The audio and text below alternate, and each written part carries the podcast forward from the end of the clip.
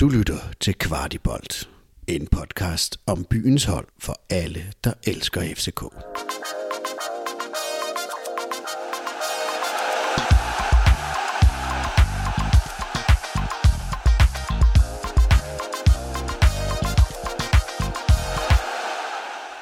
Så er FCK for alvor kommet i gang. Første sejr i Superligaen og første kamp med fans med på udebane. Hold nu op, hvor de 1700 FCK-fans fik sunget Odense op. Kasper Larsen, en sejr, en utrolig opbakning. Hvor vigtig øh, er den her sejr for FCK lige nu?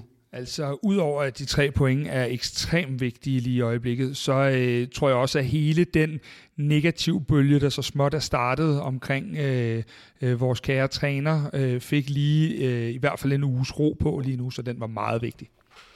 Og dermed velkommen til endnu en udgave af Kvartibold for alle os, der elsker FC København. I dag kommer vi til at analysere, hvad der gik godt i dagens udebanesejr mod OB. Vi kommer til at bringe en analyse af målmandssituationen i FC København med fire stærke keeper. Vi kommer til at kigge på Torups hovedpine. Vi ser på indkøb i resten af transfervinduet, og så bringer vi beviset for, hvorfor FCK med 100% garanti vinder guld i år. Det kan I høre mere om senere i programmet. Der ligger tidskoder i shownoterne, så hvis man ikke har tid til at lytte til hele programmet, så kan man hoppe til den, lige til den del, man allerhelst vil høre. Men først skal vi lige introducere dagens gæst, og det lader vi Lars Jakobsen om. Her er et uddrag fra en tidligere udgave med Lars Jakobsen. Men vi kunne satan ned med forsvar, og, det, og, vi, og vi satte nære i det. Så det var, øh, det var arbejdsfolk øh, i den forstand, at øh, når der blev sparket en bold i feltet, så vidste jeg godt, at jeg skulle ikke koncentrere mig om at hætte den væk, fordi for det første, hvis der kom afslutning, så havde vi Danmarks bedste målmand, Jesper Christiansen stående derinde, som reddede alt. Og så havde vi Michael Gravgaard og Brede Hangland, der kunne hætte en kor over kirketårn, hvis de ville. Så, så, så, så, så den, den var fuldstændig hjemme. Det er selvfølgelig øh, Jesper Christiansen, tidligere FCK-målmand, vi har med som dagens gæst. Øh, rigtig hjertelig velkommen til, Jesper. Tusind tak. Øh, Lars Jakobsen, han kaldte dig Danmarks bedste keeper. Har han fat i noget her? Ja, han er en meget klog mand, og jeg kan kun give ham ret.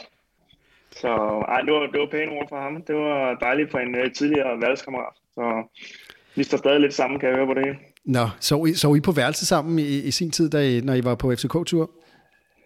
Ja, vi havde en, øh, en god periode, hvor vi øh, sov på samme værelse, og øh, vi var lidt specielt begge to i forhold til, at vi skulle have en morfar i ny og, og øh, hvordan vi lagde op til kamp, det passede meget godt med hinanden, så vi, vi passede godt sammen. Du spillede jo på et FCK-hold med ekstremt mange ledertyper, ikke? Der var en Albæk, en Linderoth, en Hangeland, en Gravgård, en Grønkær, en Lars Jacobsen ja, og, og dig selv også. Altså, hvad var det for et omklædningsrum, I havde der? Det må have været meget intenst. Jamen, jeg har før udtalt, at jeg aldrig har oplevet en, øh, en, en holdsammensætning, som vi havde. Øh, som du siger, så var vi så mange ledere øh, og mange karakterer på det hold. Øh, det kunne gå rigtig øh, helt for sig til træning. Øh, men vi ville øh, altid det samme, og det var at vinde, og vi ville gå igennem ild og vand for hinanden. Øh, det var en fantastisk trup at være sammen med. Øh, og, altså, vi havde, I starten havde vi jo ikke en bred trup, men vi havde øh, rigtig mange dygtige spillere, og øh, vi fik altid det bedste ud af hinanden. Øh, det, det program, som hvor vi snakkede med Lars Jacobsen, så sagde han, at altså, en af de store kvaliteter, I, I blandt andet havde, det var jo, at de kunne tage til øh, Horsens en regnvåd onsdag, og så kunne I fighte en øh, 1-0-sejr hjem, måske med et, øh, et heldigt mål af, af, af Albæk. Øh, hvad, hvad var det, der gjorde, at I havde den solide, solide defensiv, som, som I havde dengang, og som jo har været kendetegnet for FCK i, i rigtig mange år? Jamen altså, det første, øh, første periode, jeg er der, det er under hans bakke, og øh, Hans Bakke, han, øh, han startede det hele med, med defensiven. Han sagde, at der skulle lukkes af, og øh, så skulle vi nok øh, skabe en, to, tre chancer i løbet af en kamp, øh, og det skulle være nok til at vinde.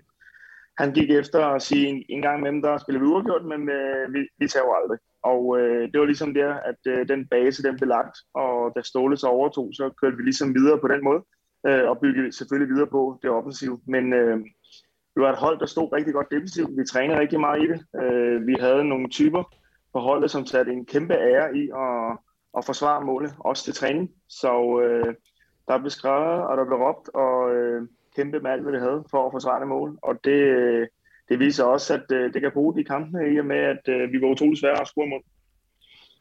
Jesper, øh, nu bliver der jo tit i fodbold og i moderne fodbold talt meget om ledertyper. Øh, er det en uddød race, mange af de spillere, du spillede sammen med på det tidspunkt? Øh, jeg tror ikke, det er en uddød race. Jeg synes, man ser færre på af dem. Øh, jeg synes, øh, at de er jo så vigtige på et hold, øh, at have de der typer og karakterer, der skiller sig ud øh, på banen. Og nogle gange, så, øh, så synes jeg også, man kan se de sidste del år, at, øh, at klubberne pakker spillerne lidt for meget ind. Det vil sige, at øh, vi skal gå ud og udtale det rigtige i pressen, og der er måske ikke så meget plads til de her skævheder mere. Øhm, og jeg synes, det der kendetegnede vores hold dengang, det var, at øh, efter kampen, så kaldte vi spade for en spade. Og, øh, og vi sagde lige, hvad vi havde på hjertet. Og øh, der synes jeg, at øh, de typer bliver måske pakket lidt mere væk i dag. Øh, og dem øh, føler jeg i hvert fald, at der stadig er brug for. Hvordan var det i forhold til, for jeg tænker, det er godt nok nogle personligheder, der ligger der øh, på det hold i, i, i 06 blandt andet. Øh, hvordan var det i forhold til, hvordan stillede I krav til hinanden? Fordi det havde man en, en, et indtryk af dengang, at I stillede nogle ekstreme krav til hinanden i forhold til øh, at få de sejre. Øh, ja, og det gjorde vi, og det startede allerede på, det startede på træningsbanen, at øh, det var lige meget, øh, hvem det var. Øh, hvis de ikke... Øh, var fokuseret nok, eller forsvaret godt nok, eller brændte en stor chance. Så lige meget man havde Gravgaard eller Albæk, så fik man en skideball. Øh, og det var ikke bare for at give en skideball, men det var fordi, vi havde så store krav til hinanden. Og øh, jeg forventer også selv, at mine holdkammerater, de gav mig en skideball, hvis jeg, jeg lavede noget lort. Øh, det var kun med til at presse mig, til at gøre mig bedre. Øh, så på den måde, der presser vi hinanden hele tiden til at levere det ypperste. Og der kan man vel sige, det er vel en del, nu, nu er det jo et buzzword i 2021, men det er vel også en stor del af den DNA, øh, der, der var forbundet med, med jer og med FCK-holdet dengang. Ja, helt sikkert. Øhm, og jeg synes, at øh, med, med al respekt for, for de senere år, så, øh, så har man jo ikke set øh, så mange øh, ledertyper øh, på et hold i en start, eller som vi havde dengang. Øhm, og jeg siger ikke, at man skal have så mange, men det var faktisk den, det var meget specielt, at vi var så mange ledertyper øh, i en startelver. Du var jo med til at skabe øh, rigtig mange flotte resultater for FC København, og var også med i en, i en periode, hvor man kan sige, som faktisk var med til at definere øh, FCK som, som Danmarks bedste hold, øh, som de har været i rigtig mange år. Hvilke ting husker du tilbage på sådan med, med størst glæde, hvis jeg siger, det her det var jeg virkelig stolt af at være med til?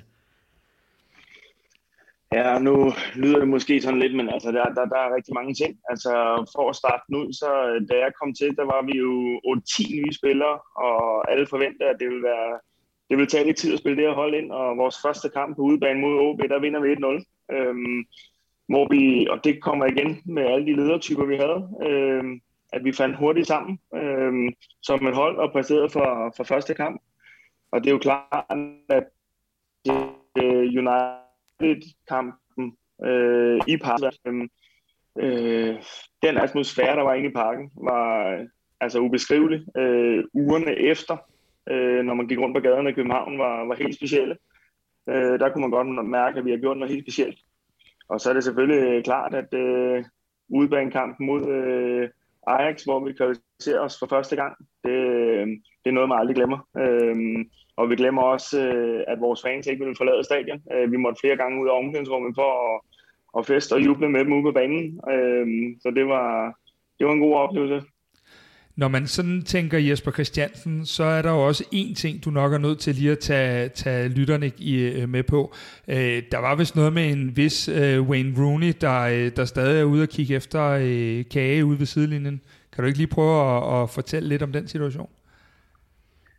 Uh, jo, uh, jeg får en uh, tilbagelægning i United-kampen, og Juni han, uh, han presser mig hårdt, og bolden ligger til min højre ben. Um, og jeg kan se, at han kommer med så meget fart, så jeg, jeg trækker den bag om uh, støttebenene og lægger den over til venstre, hvor, hvor han så fortsætter ud og henter en hotdog til mig. Um, men uh, altså, det er det, jeg altid har grinet af sidenhen. Det er jo fantastisk at lave det, og det er, jeg har også gjort det i andre kampe, uh, men de bliver nok ikke hivet frem. Det, det handler nok om, at øh, hvem jeg gjorde det mod, og Præcis. at det lige var mod ham, at jeg også lavede den. Men da I vinder mod Ajax og, og sikrer, hvad hedder det, I, I går i Champions League, det, det må jo have været kæmpestort, ikke bare for jeres spillere, men for hele klubben. Altså, hvad, hvad sker der sådan en, en aften, når man kommer ned i omklædningsrummet? Går man fuldstændig amok, eller øh, er man bare professionel og siger, at det var fint nok, det var, vi skal videre, vi har også en kamp på søndag? Nej, vi, øh, vi gik fuldstændig amok. Det gjorde vi. Og øh, der blev fest i omklædningsrummet, og vi fik også øh, et par kolde. Og øh, da vi kom tilbage til hotellet, der, øh, der fik vi også noget champagne. Og øh, Ståle han sagde faktisk til os, at øh, han var sikker på, at hele lufthavnen ville øh, være fyldt dagen efter at tage imod os. Så der skal vi have friske øjne, men øh, han synes også, at vi har fortjent at gå ud og hygge os. Og der stod vi altså i Amsterdam i øh, FCK træningsdragter. Og vi havde ikke noget pænt tøj med, vi havde trods alt tabt øh, to ikke hjemme. Så det havde vi ikke regnet med. Så vi ender med at tage i byen i FCK træningsdragter øh, på en meget fin diskotek dernede i Amsterdam. Så det var en fantastisk aften. Og der står ikke nogen dørmand og siger, prøv at høre, I kan ikke komme ind i konditøj her. øh, det gjorde der, men øh, der havde vi Markus Albæk, og han havde nogle kontakter, så den fik han, den fik han klaret. Det lyder som om, at øh, det var en, en skæg aften i Amsterdam, oven på, på det, der var jo vel egentlig også lidt for jer selv, for os alle sammen i hvert fald lidt. Det var jo overraskende, i hvert fald ikke nogen, der tog for givet, at I tog til Holland og sikrede øh, Champions League til, til Danmark. Nej, det som sagt, så tror jeg også lige, jeg skal rette mig før, det var øh, Berglund, der, der sørgede for den der indgang, og ikke øh, Albæk. Han var ikke lige... Men, øh, men jo, der var ikke nogen, der havde regnet med, med det resultat. Som sagt, så tabte vi 2-1 hjemme. Øhm, vi havde sjovt nok selv en, øh, en sjov tro på det, og havde en tro på, at vi kunne gå ned og drille dem. Øh, det led lidt et knæk aften før, da Grønkær blev skadet og så videre. Øhm, men, øh, men jo længere kampen forløb, ja, men øh, jo stærkere tro havde vi på det. Øh, så øh, ja, men igen, det, det, det sagde noget om det hold, vi havde dengang. Øh, at vi kunne levere et resultat.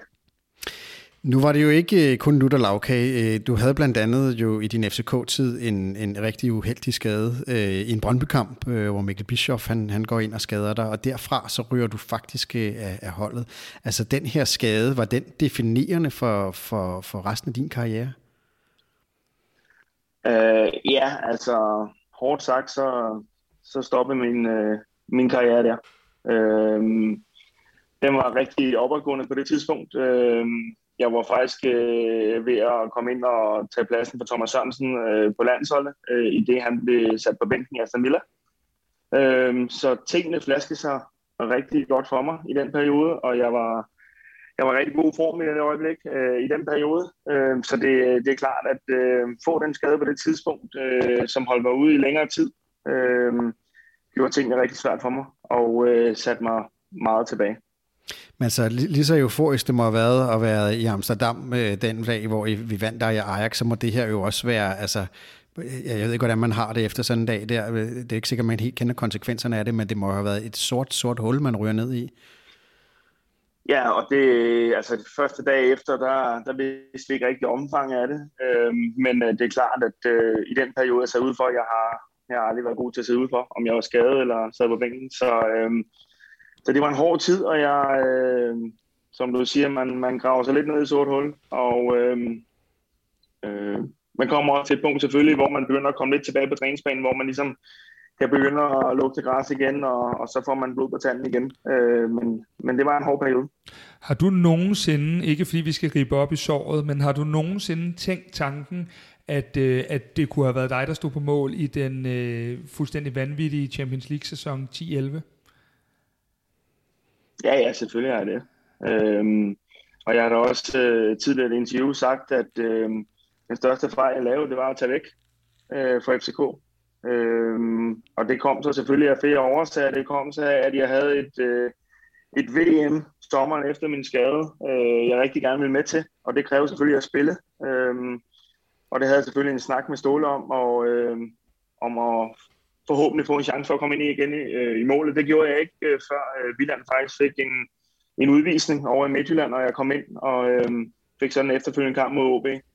Øh, kom så med til VM, øh, men det var klart, at Morten lagde heller ikke skjul på, at hvis jeg sad på bænken i FC, så var jeg, kom jeg ikke med med landsholdet mere. Øh, der skulle man spille for at være med, og øh, det betød meget for mig også, at øh, både at være med med landsholdet, men jeg så heller ikke mig selv som en, øh, en, der skulle sidde på bænken. Og i den periode, der var jeg måske også for stolt øh, til at sige, ved du hvad, jeg øh, sætter mig her det næste år, og så venter jeg på min chance igen. Øh, I den periode, øh, set tilbage, der har jeg måske også været for stolt i og med at føle, at, øh, at jeg har været så stor del af klubben i, i fem år, og at øh, jeg i min verden måske havde fortjent at få chancen for at komme tilbage efter min skade. Øh, og jeg ved godt, at fodbold ikke altid er sådan, men øh, det var sådan, jeg tænkte på det tidspunkt. Øh, men set i bagspejlet, så skulle jeg bare være blevet, og så har jeg taget verden tilbage efter et halvt år eller noget. Øh, forhåbentlig. Øh, men sådan udvikler det sig ikke, øh, og sådan kan man altid være bagklog. Det er Mikkel Bischoff, øh, der sådan set skader dig, og Mike Jensen, han står og råber dig ind i hovedet, som, som jeg husker det. Mm. Har du nogensinde snakket ja. med, med, med Mikkel om, om, om, om det optrin, der var? Nej, det har jeg ikke. Det har jeg aldrig. Jeg har ikke engang øh, nævnt til ham, at, øh, at det var en øh, mærkelig måde at gå ind i den her takning på, fordi han går ind med ryggen stort set, så han gik slet ikke på bolden. Øhm, og øh, ja, som sagt, så, så ødelagde det så meget i min karriere, så øh, det er ikke en, øh, en situation, jeg har, har brug for at, at tage for meget og snakke for meget om. Øh, der gik også mange år, før jeg kunne se den på video, for jeg blev sgu godt nedtrykt, hver gang jeg så den. Så, øh, men øh, ja, altså, det sker, og øh, jeg kunne lige godt have rejst mig op, og der ikke var sket noget, men øh, fire minutters overtid, øh, der blev fløjet af et halvt minut efter, ikke? efter jeg var båret på banen, så det er jo, det er jo super ærgerligt. Ja, var uheldigt. Men det gode er, Jesper Christiansen, øh, vi husker dig jo lidt ligesom Lars Jakobsen, vi husker dig som øh, daværende Danmarks bedste målmand, og jo en, en kæmpe øh, keeper for, for FCK, og en kæmpe legende for FCK, og vi er rigtig glade for at have dig med. Hvordan har du det med FCK i dag? Er du øh, FCK-fan? Øh, ja, det er. Jeg kommer i parken og ser kamp, øh, når jeg har mulighed, øh, i forhold til mit eget job i fra Amager øh, og vores kampe. Så jeg nyder at komme i parken, og, øh, og det har jeg både øh, gjort siden jeg står op med, med mine børn også, øh, og fortsætter stadigvæk med selv at komme derind også. Øh, så jeg nyder, og jeg følger med, og øh, når det går godt for holdet, så har jeg det også godt, og når det ikke går så godt for holdet, så føler jeg med dem. Øh, men øh, jo, jeg, øh, FCK har været sådan en stor del af mit liv, og, øh, og har haft min bedste tid i FCK, så øh, de vil altid øh, betyde noget specielt, og jeg vil altid følge med. Så jo, jeg følger bestemt med og holder med dem. Man kan sige, når vi, når vi har nogle af jer gamle legender øh, med i, i udsendelsen, så er der altid et spørgsmål, vi skal stille, og ellers så får vi, øh, så får vi hugget lytterne. Kunne du se dig selv i, i FC København i en eller anden rolle i fremtiden, hvis muligheden bød sig? Ja, selvfølgelig kunne jeg det. Øhm, det har jeg jo tidligere også øh, haft en snak med Ståle om, da han var der. øh, om at hvis muligheden lød sig, eller der var øh, noget spændende, jeg kunne se mig selv i, øh, så, øh, så er det klart, øh, og på det tidspunkt så snakker vi selvfølgelig om øh, målmandstrænerrollen og så videre. Øh, og det, som sagt, så er jeg målmandstræner fra mig nu, og nyder at være der. Øh, og øh, jeg var også lige skudt forbi øh, Viborg øh, sammen med Næstrup. Oh ja, ja. Øh, så det var, det var spændende at være sammen med en af de gamle drenge. Øh, han var lidt yngre, da jeg var i FCK, men øh, men øh, det var godt øh, markerpakke, vi havde derovre, og øh, det var selvfølgelig også en af grundene til, at jeg også øh, tog tilbage igen, også øh, da jeg hørte lidt om, at øh, Næstrup også skulle tilbage til København. Øh, men det er klart, jeg nyder at være fra Marmar, men øh, skulle jeg noget andet, så, øh, så er det klart, så, øh, så skulle det være til min gamle klub. Når du nu øh, fortæller om din Viborg-tid derovre, kan man sige, øh, hvad er egentlig dit indtryk af Jakob Næstrup som træner? Øh, kæmpe respekt for ham. Jeg kendte ham som person og tidligere holdkammerat, men jeg har kun hørt om ham som træner. Han øh, lå rundt på træningsbanen, som om han har 20 års erfaring som træner. Han øh, er knivskarp på træningsbanen til at få sine idéer igennem. Han er benhård med, hvad han forlanger af sin trup. Øh, og øh, jeg har kun kæmpe respekt for ham, og han bliver, jeg håber, at øh, han bliver FCK-træner øh, på et tidspunkt i sin karriere, fordi at øh, han har det, der skal til for at være FCK-træner. Da vi havde Lars Jakobsen med i vores program her i foråret, øh, spurgte vi ham øh, også til hans, hans tanker om, at han, han kunne øh, øh, se sig selv i en eller anden form for trænerposition i FC København, og det, det sagde han, han kunne. Og så tre dage efter programmet, øh, vi havde optaget programmet, så sprang han faktisk ud som øh, HB Køge øh, assisterende træner sammen med, med Akker dernede. Så nu ved vi ikke, om du springer ud som noget som helst om, om tre dage, Jesper. Men jeg kunne da godt se dig, at din øh, værelseskammerat Lars Jakobsen øh, komme tilbage og præge FC København. Det ville da være herligt. Det kunne da være meget sjovt, ikke? det er godt. Hvad hedder det? Det var jo lidt om din tid i FC København, og, og hvad du laver i dag øh, som målmandstræner i øh, Fremad Amager. Nu skal vi lige prøve at kigge på FC København, og jeg tænker, vi starter med der, hvor du har din allerstørste ekspertise. Det er jo på målmandssituationen i København lige nu. Den er jo sådan lidt speciel, fordi der er jo fire målmænd, øh, og tre af dem øh, forventer og ser sig, for, sig selv, øh, formentlig selv som, som første målmand. Øh, først og fremmest, altså hvordan håndterer man øh, den situation som træner og, og som klub og som hold, at du har i virkeligheden tre øh, potentielle førsteholdsmålmænd, der, der alle sammen konkurrerer om det? Ja, en ting er sige, at du kan ikke gøre alle sammen glade, og øh, det er en svær situation. Øh, når det er sagt, så øh, at man lige, ligefrem har tre målmænd på det niveau, øh, er selvfølgelig lidt specielt, men øh, der, er jo ikke, der skal være helt sikkert to på det niveau. Øh, en klub som København, og med alle de vigtige kampe, der er, og forhåbentlig også europæiske kampe. Øh, men jeg, jeg er også helt sikker på, at øh, der er en af de tre, og det er jo selvfølgelig ikke kan vare med en eller to andre, som øh, ikke er her, når transferen lukker. Helt sikkert. Det, det er også vores øh, hvad hedder det, fornemmelse af situationen. Øh, og man kan sige, lige nu virker det til, at det er Kalle Jonsson, der, der skal blive her. Øh, en af de ting, jeg tænker mm. på, er, at øh, siden du egentlig forlod FC København, øh, så har vi faktisk kun haft én målmand, øh, der har været rigtig, rigtig dygtig med fødderne, nemlig Stefan Andersen. Øh, hvor vigtigt er det egentlig i moderne topfodbold at have en målmand, der er god med fødderne? Er det selvfølgelig øh, mere og mere vigtigt, synes jeg, øh, i moderne fodbold. Øh, det kommer så også lidt an på det hold, du spiller på. Øh, der er mange, øh, som øh, ikke spiller ud fra, fra bagkæden og så videre, så er det jo selvfølgelig ikke så vigtigt, men selvfølgelig skal du have en, øh, en grundlæggende god teknik, øh, fordi du selvfølgelig bliver brugt mere øh, i spillet, end man måske gjorde tidligere. Øh, så i min verden, så er det ret vigtigt for målmænd, øh, og også noget, jeg lægger meget vægt på selv, når jeg træner mine målmænd. Men, øh, men det er også, øh, hvad træner og klub ser, øh, og hvad de har brug for. Øh, der er flere klubber, der henter målmænd ind, som er decideret shotstopper. Måske ikke kan tage øh, tre jongleringer med en ballon, men de er gode på stregen. Øh, og så er der andre, som, ja, et eksempel i Nordsjælland, det er vigtigt, at du kan spille med som sweeper, og bliver brugt rigtig meget. Så det er også meget om, hvordan du spiller som hold. Når du nu ser på, at vi havde Kalle Jonsson og Sten Grydebust i sidste sæson, øh, overraskede det dig, at man gik ud og investerede massivt i Kamil Gabara, eller hvordan ser du den situation? Øh, altså både og. Altså, hvis man starter med at sige det, at man henter Grydebust, der er han, øh, han får vel også øh, årets målmand i OB, og er vel en af Superligans bedste målmand. Han slår ikke rigtig igennem. Øh, Kalle kommer og har en rigtig god første sæson. Øh, falder lidt i niveau her i sidste sæson, øh, og ender så også med, at han øh, ryger lidt på bænken. Øh, jeg tror selvfølgelig også, at han falder lidt med holdet, øh, som havde det svært. Øh, men, øh, men han har jo vist, at, øh, at øh, han har leveret på højt niveau. Så, så på den måde, jo, så overrasker man lidt, at man går ud og, og henter. Men øh, nu tænker jeg også, at PC øh, kender bare rigtig godt øh, fra, fra AGF, og, øh, og vi så også, hvad han leverede der. Det er en andre, anderledes målmand. Øh, måske med lidt mere karakter, lidt mere kant. Øh, uden at, at være hård ved nogen, så er det måske lidt mere øh, FCK-agtigt øh, med den attitude, han har.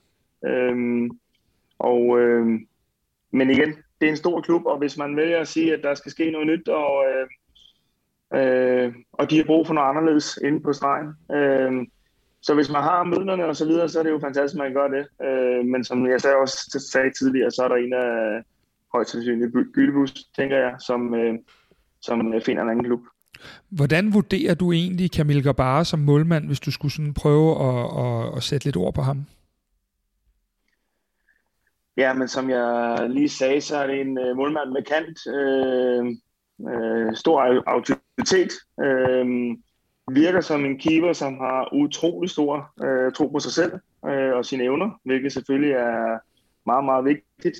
Øh, han er også det, jeg vil kalde en, øh, en shotstopper. Øh, han er god i redningsspil. Øh, jeg synes, man så lidt i, lidt i kampen i dag, han havde måske lidt mere problemer med, med at komme ud og så videre, kommer lidt, lidt skævt ud et par gange, men, øh, men ellers så, øh, så tror jeg, han bliver en gevinst for FCK.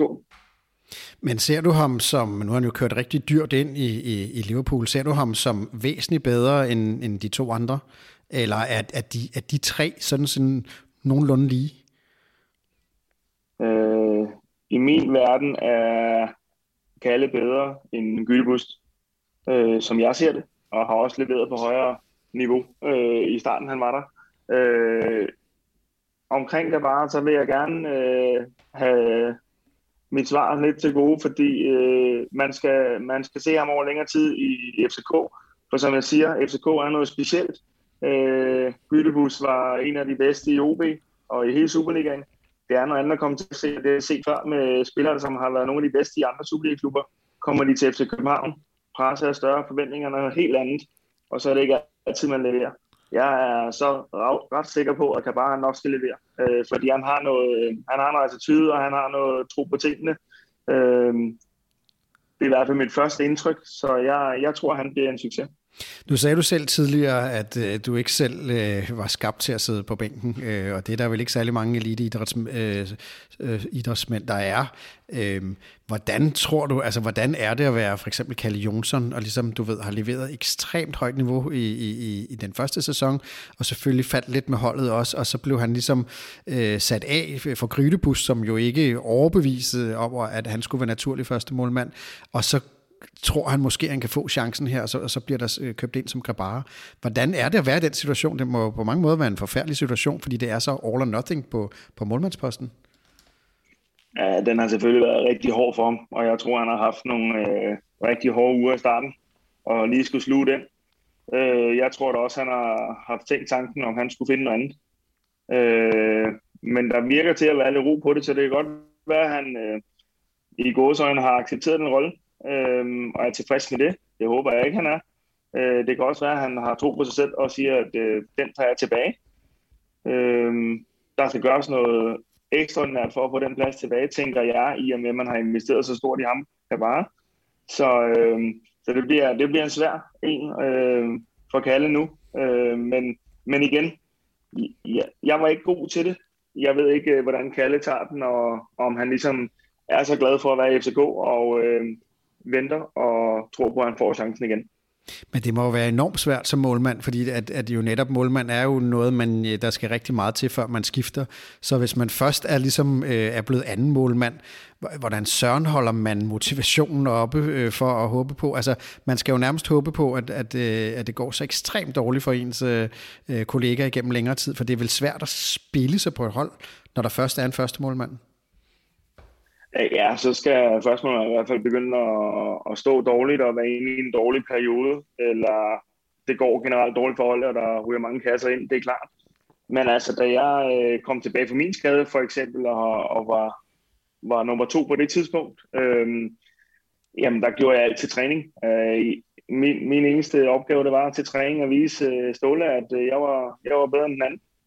Og det, øh, det gjorde jeg alt for at vise hver dag, og så kunne jeg så med rette og med, med ro i sindet kigge på Ståle og sige, at øh, jeg ikke var tilfreds. Men øh, hvis jeg ikke leverede til træning, så kunne jeg jo ikke tillade mig at komme til ham og sige, at, øh, at jeg skulle stå. Så øh, jeg er også sikker på, at der bliver gået til den til træning, men det er klart, at øh, man kan selvfølgelig ikke være tilfreds, når man har været første målmand og, og lige pludselig bliver sat på, på bænken. Og så er der vel også noget med, at Grabara kommer jo, han er PC's valg, og han har jo heller ikke, han har kostet en, en del øh, øre også at købe. Så, så, så der er jo et eller andet vel en forventning om, at når man køber en, en målmand til den pris, så skal han jo nærmest også øh, spille, og selvfølgelig skal han selvfølgelig også levere, når han så skal spille. Han skal tage rigtig mange bolde ind i målet, hvis han ja. skal sættes af, tænker ja. jeg. Ja. Og det er vel det, der er så hårdt for, for Kalle Jonsson nu. Altså, øh, der er, man, umiddelbart så er der lang vej til hans chance til at spille sig ind som første målmand. Som jeg ser det, ja. Altså, der er ikke nogen tvivl for mig om, at jeg kan bare købe ind som øh, klart første valg. Og, øh, og så er, øh, som jeg ser det, Kalle bare to og nu. Øh, så så handler det så om, om Kalle vil, og han skal finde noget andet, eller Gyttebus skal finde noget andet.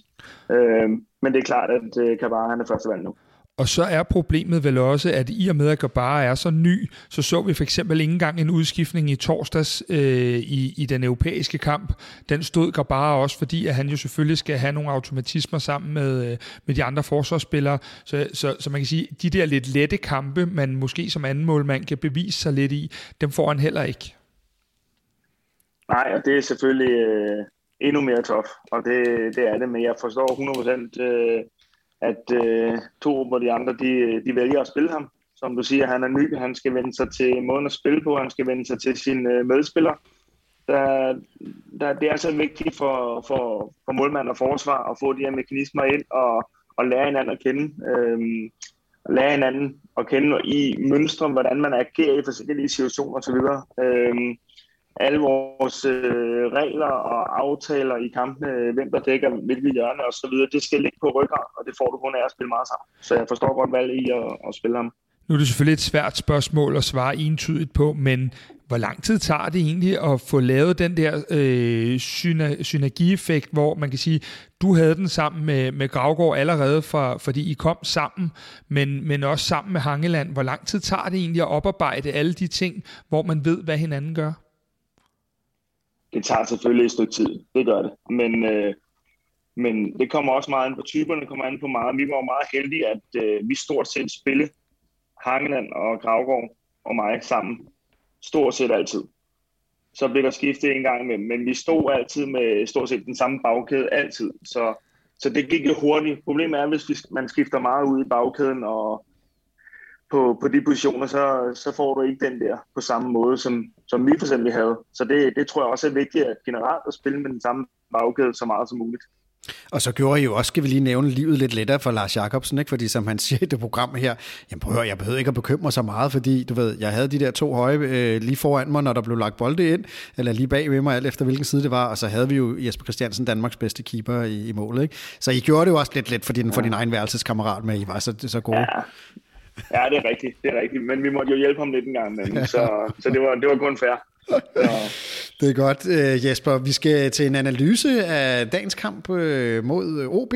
FCK fik øh, første sejr i Superligaen, og Kasper, det var jo også første kamp i umindelige tider, hvor der var udbanefans med. Det, var lige før, og det nærmest gjorde en forskel. Nu, nu så vi den, vi var ikke på Odense Stadion, men vi så den i fjernsynet.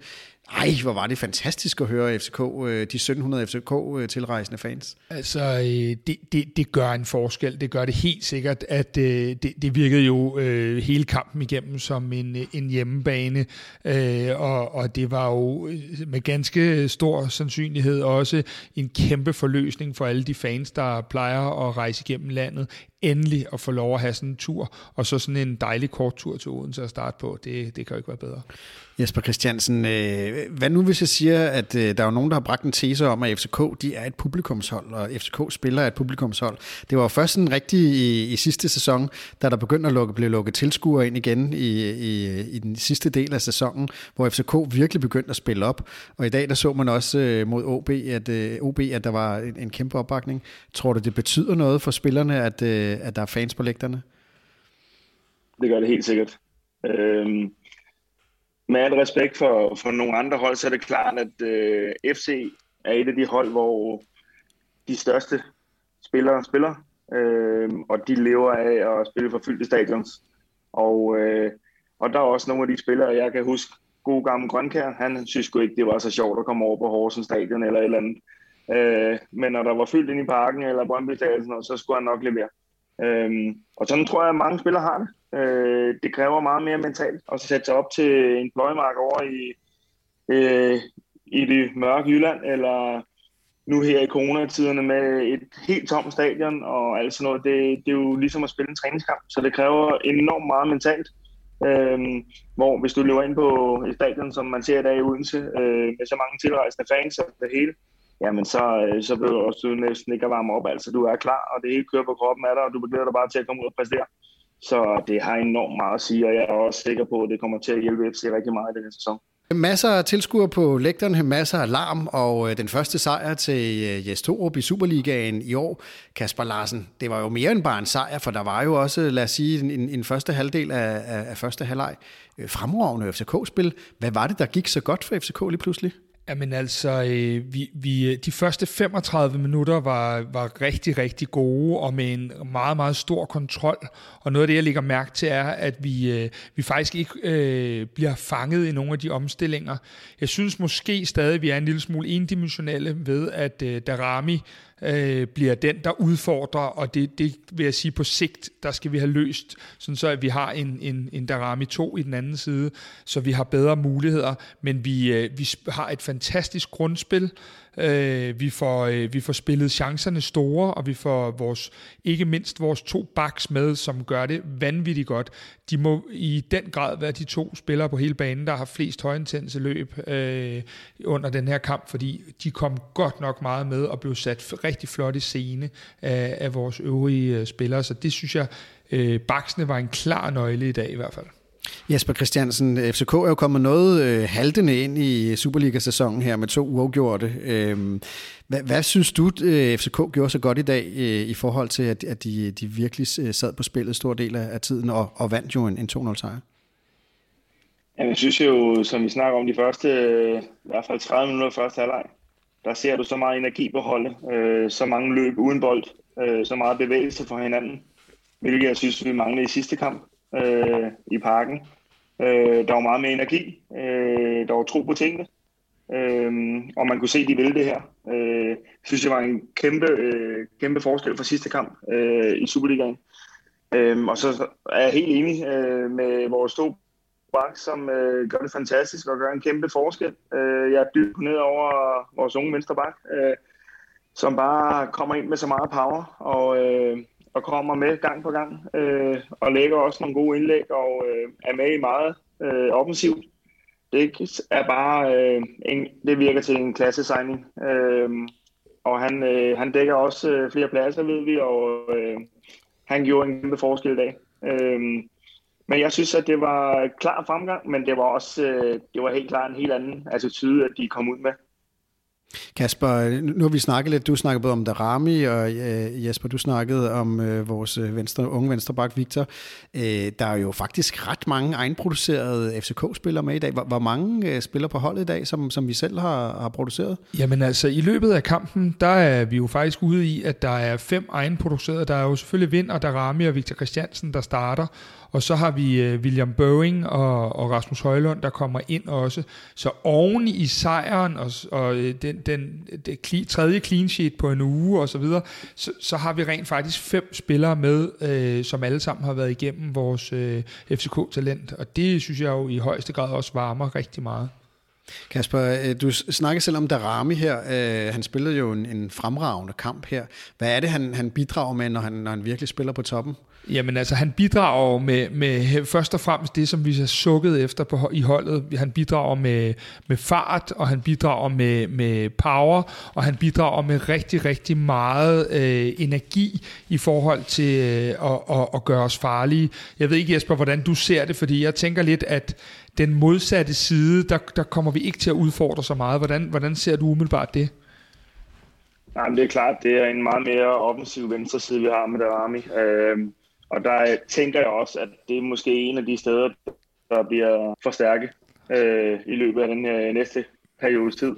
Øh, fordi det er klart, at øh, vi har, holdet har jo selvfølgelig brug for, at det kan komme fra begge kanter. Øh, og jeg giver dig helt ret i, at øh, hvis du ser kampen i dag, jamen det er ham, det skal komme fra. Øh, og øh, det gør det så også i dag. Øh, men jeg er ikke i tvivl om, at der også bliver forstærket på den anden kant. Men der er jo, øh, det arbejder Bayern, og nu er øh, transfervinduet jo stadig helt åbent. Altså, øh, Darami er jo blevet rygtet til, til Italien, så øh, altså, er der en, øh, altså, hvordan ser du FCK uden Darami, øh, Jesper? Det kommer helt an på, hvad erstatningen så bliver. Øh, men jeg synes, det er fantastisk at se hans udvikling. Øh, og jeg kan huske, at jeg snakkede i, i sidste sæson øh, med, med Næstrup om, at øh, jeg synes hver gang, at han startede ude, når han kom ind, så gjorde han en forskel.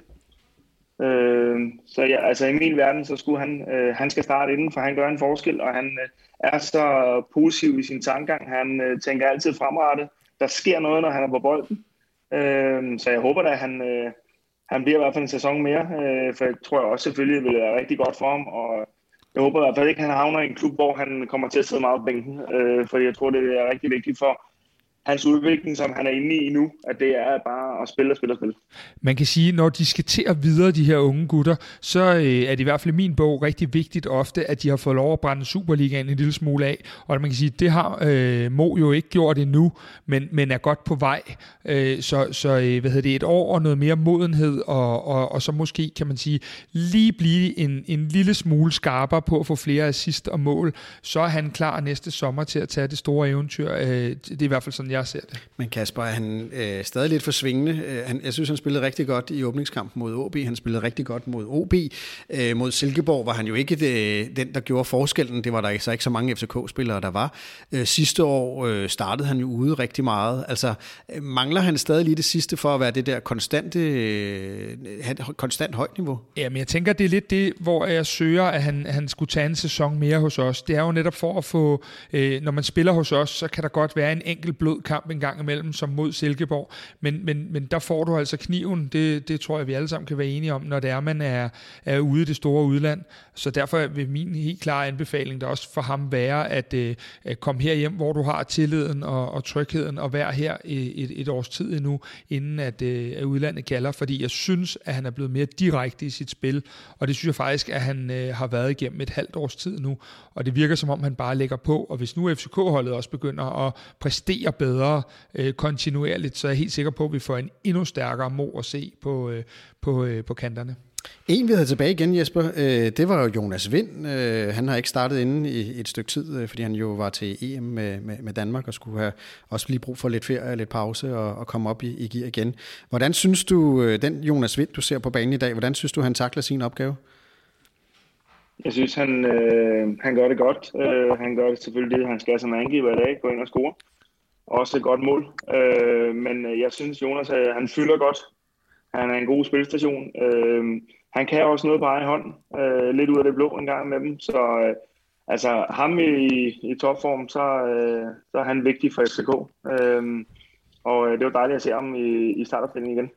Når du ser Jonas Vind nu, jeg tror, vi to kan nok hurtigt blive enige om, at det er en af Superligaens allerbedste spillere. Øh, synes du med rette, at han også er ved at nå en alder, hvor vi øh, kan forvente endnu mere uge efter uge, også for at han får lagt det på, hvis han skal skydes af på et tidspunkt?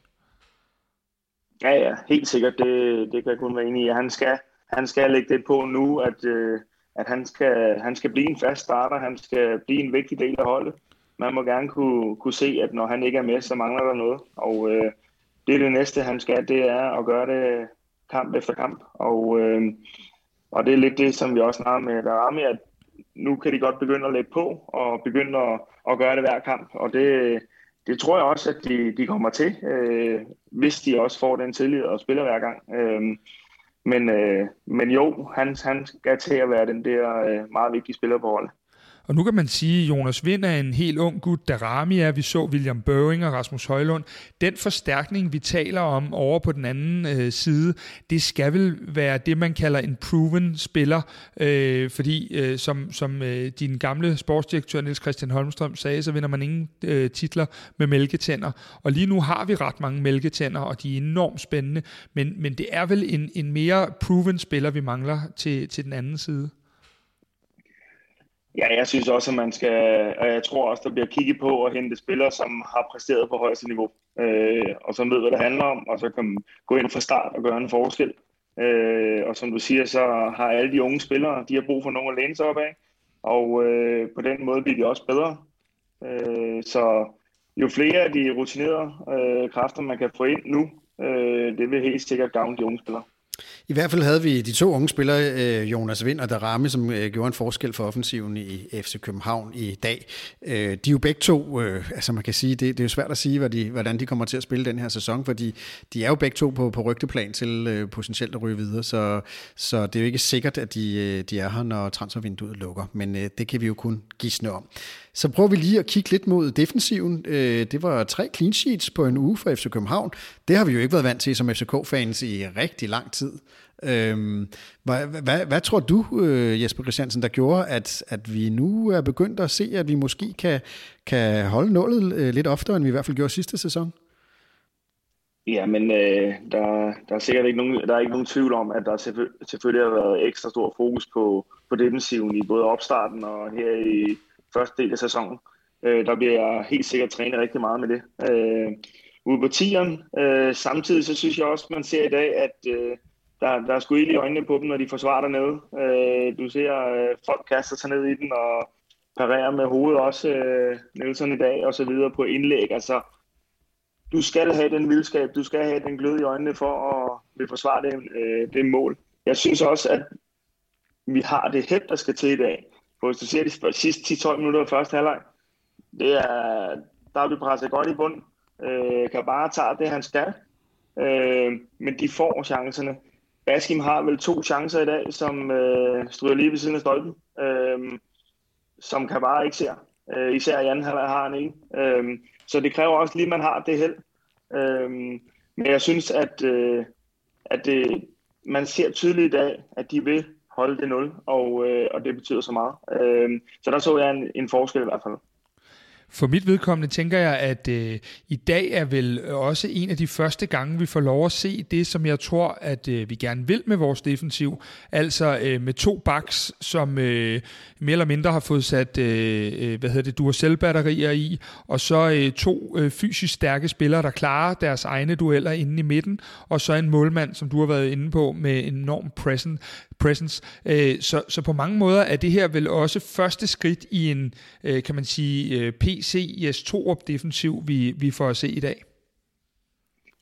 Ja, og jeg, jeg håber da, og jeg tror faktisk, at den bagkæde, man ser i dag, den tror jeg er, er, er, er hvad, hvad skal man sige, starteren, øh, bagkæden, der, der skal bære det, øh, med en udskiftning i ny og næ. Men, øh, men jeg synes, de, de gjorde det godt. Øh, der er så meget power på, på vores to backs, der er, som du siger, meget fysik inde centralt. Øh, så for mig så handler det også om, hvis du kan få dem til at spille så meget sammen som muligt.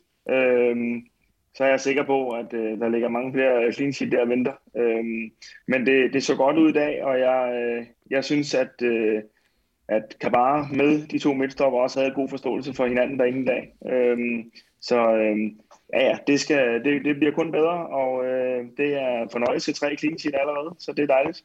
Og Jesper, som du selv sagde tidligere, så, så er det jo øh, den forståelse for hinanden, det, det kræver jo noget tid. Øh, og det er vel første gang, at vi ser en øh, Nelson og Rocholava øh, øh inde i midterforsvaret, og så med en, en, en Dix øh, ude på højre kanten. Så, så det var jo godt, vi havde heldet, og så mm, altså, nu har de de clean sheets, og, og vi håber på, at det bliver bedre, når de lærer hinanden bedre at kende.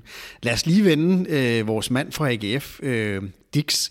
Han øh, starter jo inden foran øh, Ankersen, Kasper, og... Øh, det her, det var vel, udover at han selvfølgelig scorede et mål, øh, hvilket var fremragende, så er det vel også, er der noget, der tyder på her, at, at Ankersen som fast øh, højreback er, er ved at måske at være lidt passé, med den måde Dix er startet på i hvert fald. Øh, Dix spiller en fantastisk kamp i dag, øh, enormt energisk, enormt meget sult og enormt meget agerighed, øh, nogle af de ord Jesper også har brugt fra, fra tidligere, øh, og så, så bidrager han altså med at stå lige pludselig som trold af en æske og lave øh, mål også, nu er det hans andet mål på, på fire dage i, øh, i FCK-trøjen. Øh, og så er det bare sådan, at øh, til det system, vi spiller, og den måde, vi spiller lige nu, der er han altså indkøbt, og han er indkøbt af, af, af PC og, og Yes, og, og det giver ham bare en klar fordel. Øh, og, og man kan også se, at vi bibeholder ham på, på højre bak selv, da, da Ankersen kommer ind. Øh, jeg ser ham som en kæmpe lunge, og det er det samme med Victor Christiansen, at der, de, de løber jo et maraton uden at, at få sved på panden i sådan en kamp, og det tror jeg bare er enormt vigtigt for, for, for den måde, vi gerne vil spille på, og den aggressive spillestil, vi gerne vil, vil etablere nu i, i FCK. Hvad med dig, Jesper? Ser du en, sådan en, en klassisk FCK-bak i, i Dix? Jeg, ja, for jeg ser en masse power, jeg ser en masse øh, attitude hos ham, og det har jeg også set i nogle af de andre kampe. Øh, der er en rigtig vinder i ham. Øh, og jeg har lidt med ham, som jeg også har med Cavara. Han er hentet for at spille, øh, og det synes jeg er et klart signal, øh, da det ikke er ham, der bliver skubbet frem i dag, og Andersen. Øh, det er et klart signal om, det er hans plads. Øh, så øh, han bliver spændende at følge, og det, der imponerer mig mest, det er, at han er gået ind for, for, for start og, og, og gør en forskel og skiller sig ud. Øh, det vidner bare om en klassespiller, som, øh, er klar til at gå ind på den store scene. Ja, for Jesper, hvis, hvis vi både øh, spoler tiden tilbage til din egen tid i FCK, og også øh, de efterfølgende år, så har vi tit set et fænomen, øh, nu, nu kan vi tage en for din egen øh, generation med Tobias Linderoth, øh, at man ofte har set, at de har haft det enormt svært, når de er kommet til FCK, øh, og der er gået det der berømte halve år, som vi næsten er begyndt at, at regne med. Hvad er det, der gør, at, at Dix lige pludselig bare går ind og, og ja, smadrer igennem fra, fra dag i dag? Jeg tror, det handler meget om hans person, hans personlighed, hans øh, mentale tilgang til tingene. Øh, der er bare nogen, som er, er stærkere end andre, øh, og jeg har, har oplevet førhen, som du også selv siger, også andre navne, som har været en magtfaktor i andre Superliga-klubber, som ikke har slået til i FCK. Øhm, og det er så nemt at bare lige snakke om presse og alt det, der hører med i FCK, men det er noget andet at spille i FCK, øh, og der er man ikke tilfreds med en uregjort lige meget, hvem der er mod. Der er kun en sejr, der tæller. Øh, så det viser bare mig og siger mig, at han, øh, han er lavet det rigtige, øh, når man kan gå ind og gøre det fra start af, og ikke skal bruge en tilvændingsperiode. Øh, så øh, jeg synes bare, det er, det er godt set øh, af, af PC og, og hente ham ind. Jeg var selv lige lidt og tænkte, jeg skal lige kigge ham lidt andet og så videre, og synes også, han har gjort det godt i AGF, men øh, har været helt sikkert været meget imponeret over ham allerede nu. Så skal vi lige runde midtbanen, Kasper, fordi øh, Lea røg en tur på bænken, øh, og Stage kom ind. Øh, hvad synes du, det gjorde ved FCK spil? Altså, øh, først og fremmest vil jeg sige, at jeg tror, at Lea er, øh, hvad hedder det, at, at det er øh, en, en øh, sådan logisk ting i øjeblikket, når vi har så tætte midtbanespillere, som vi har, at der er enormt mange kampe i øjeblikket, så jeg tror, vi vil se en del af de ting, så længe vi spiller to gange om ugen her i august. Øh, men, men Stage bringer jo også noget af det der øh, med at komme i feltet for det første, men også enormt meget aggressivitet. Og Lea har øh, i de første kampe øh, set en lille smule tung ud. Det har virket som om, han måske endda har trænet for hårdt i preseason. Øh, så jeg tror først, vi ser det bedste af ham øh, om et par uger, fordi øh, det virker som om, at, at, at, der, at, at han simpelthen har givet den øh, max gas i, i preseason. Så, så jeg tror, at øh, vi vil se en, en fin form for rotation. Øh, noget af det, som vi, vi stadig kan kigge lidt på, det er, at øh, vores kaptajn og, og vores talisman på mange måder, øh, Seca, spiller jo øh, en typisk Seca-kamp øh, for mig at se, hvor han øh, kommer i vejen for enormt meget, men også har nogle af de der lidt farlige boldtab og nogle farlige clearinger, blandt andet i vores eget felt.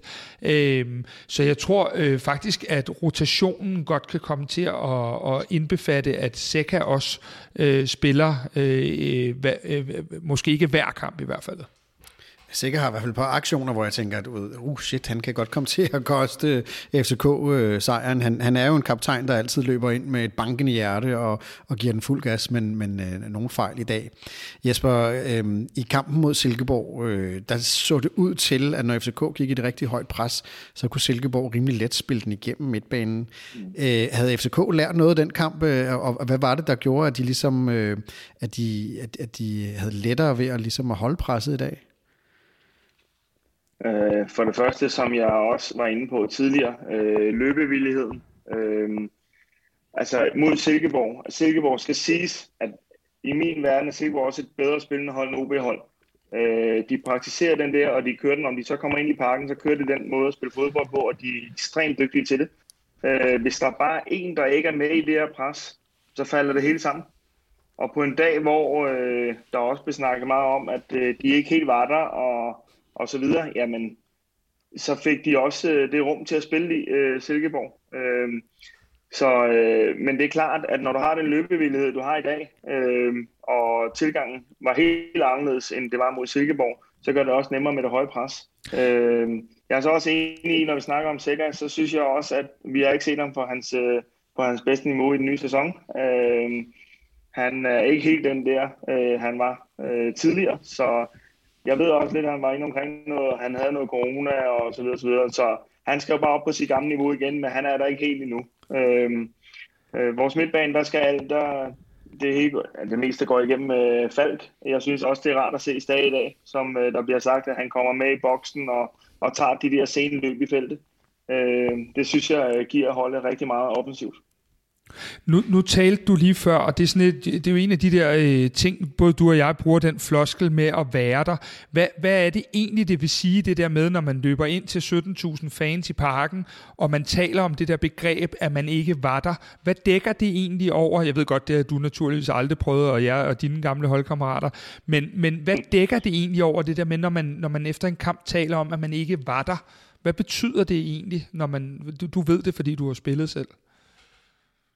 Men det ved jeg ikke, fordi at der er ikke nogen undskyldning for ikke at være der, når der sidder 15-20.000 på lægterne.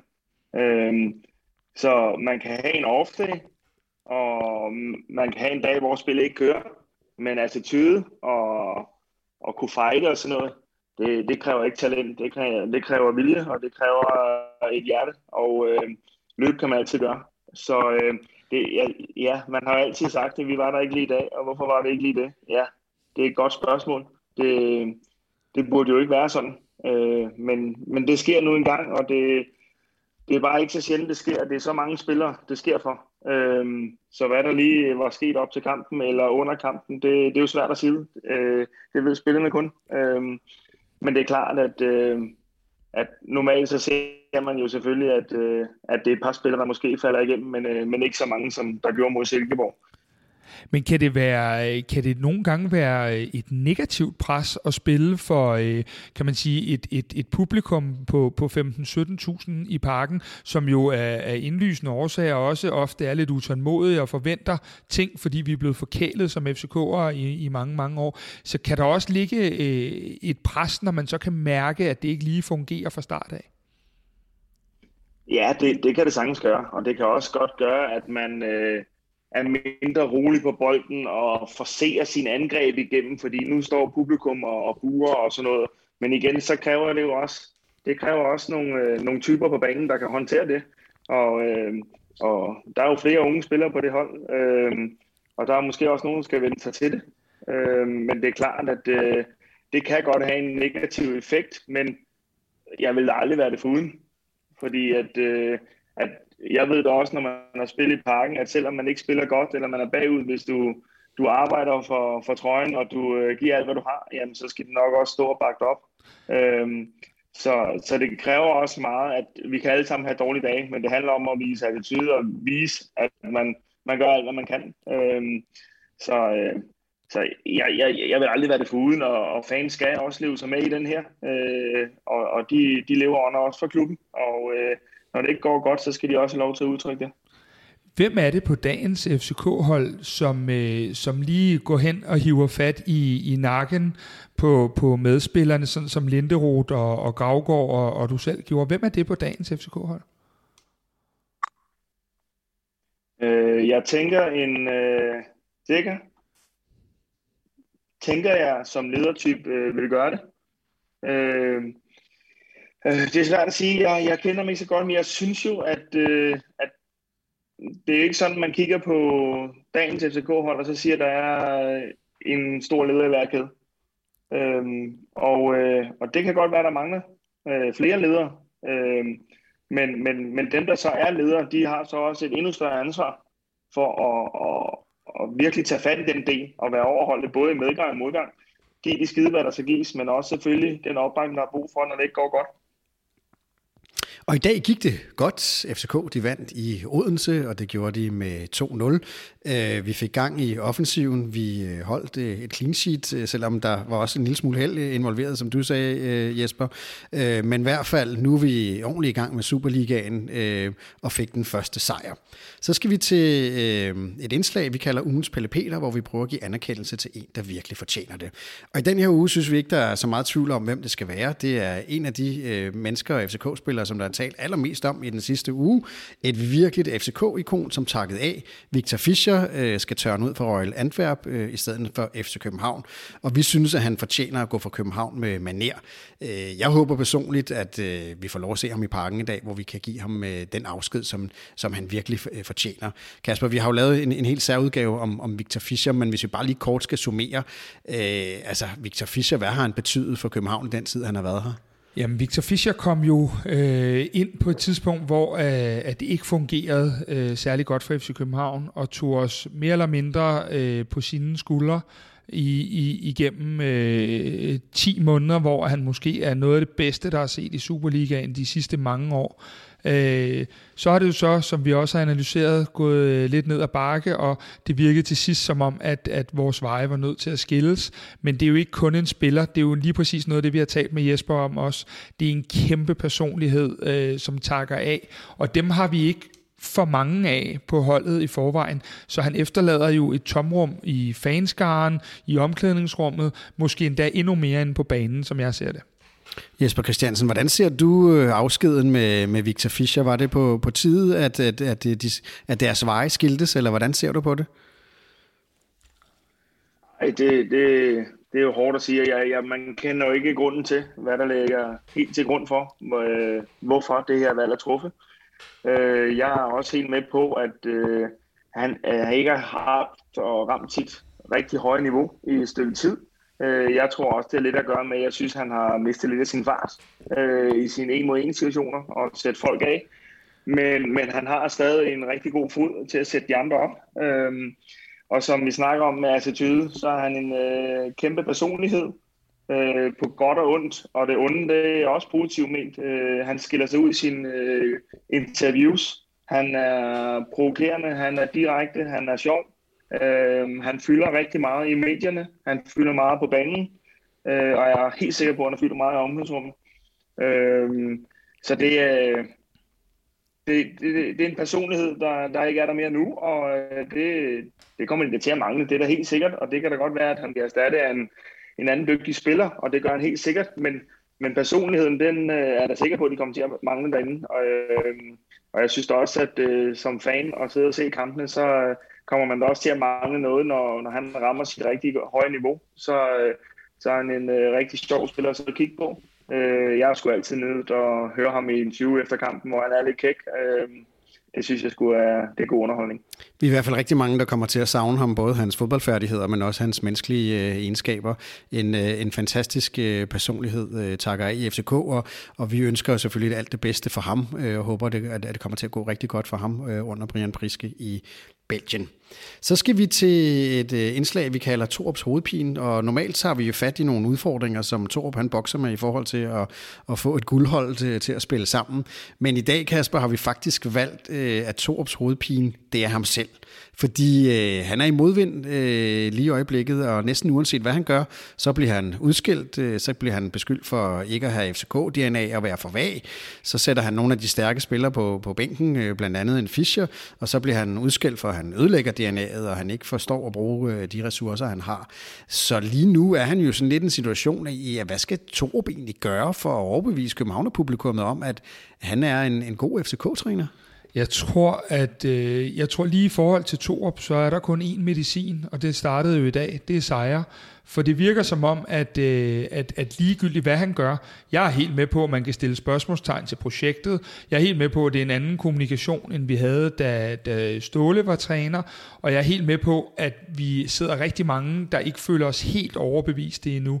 Men når det så er sagt, så, øh, så er vi også nået et punkt, hvor at, øh, at rigtig, rigtig mange sætter spørgsmålstegn ved, ved, ved alt, hvad han gør, som du også er inde på, Kasper. Og jeg tænker, Jesper, du må også have oplevet i din tid nogen, der måske øh, havde tabt lidt øh, i forhold til fansene. Og, og hvad betyder det, når man først som, som FCK'er er kommet derud af, hvor det er svært at komme tilbage igen? Det kan vel være en, en rigtig, rigtig svær ting, både som træner eller spil og spiller.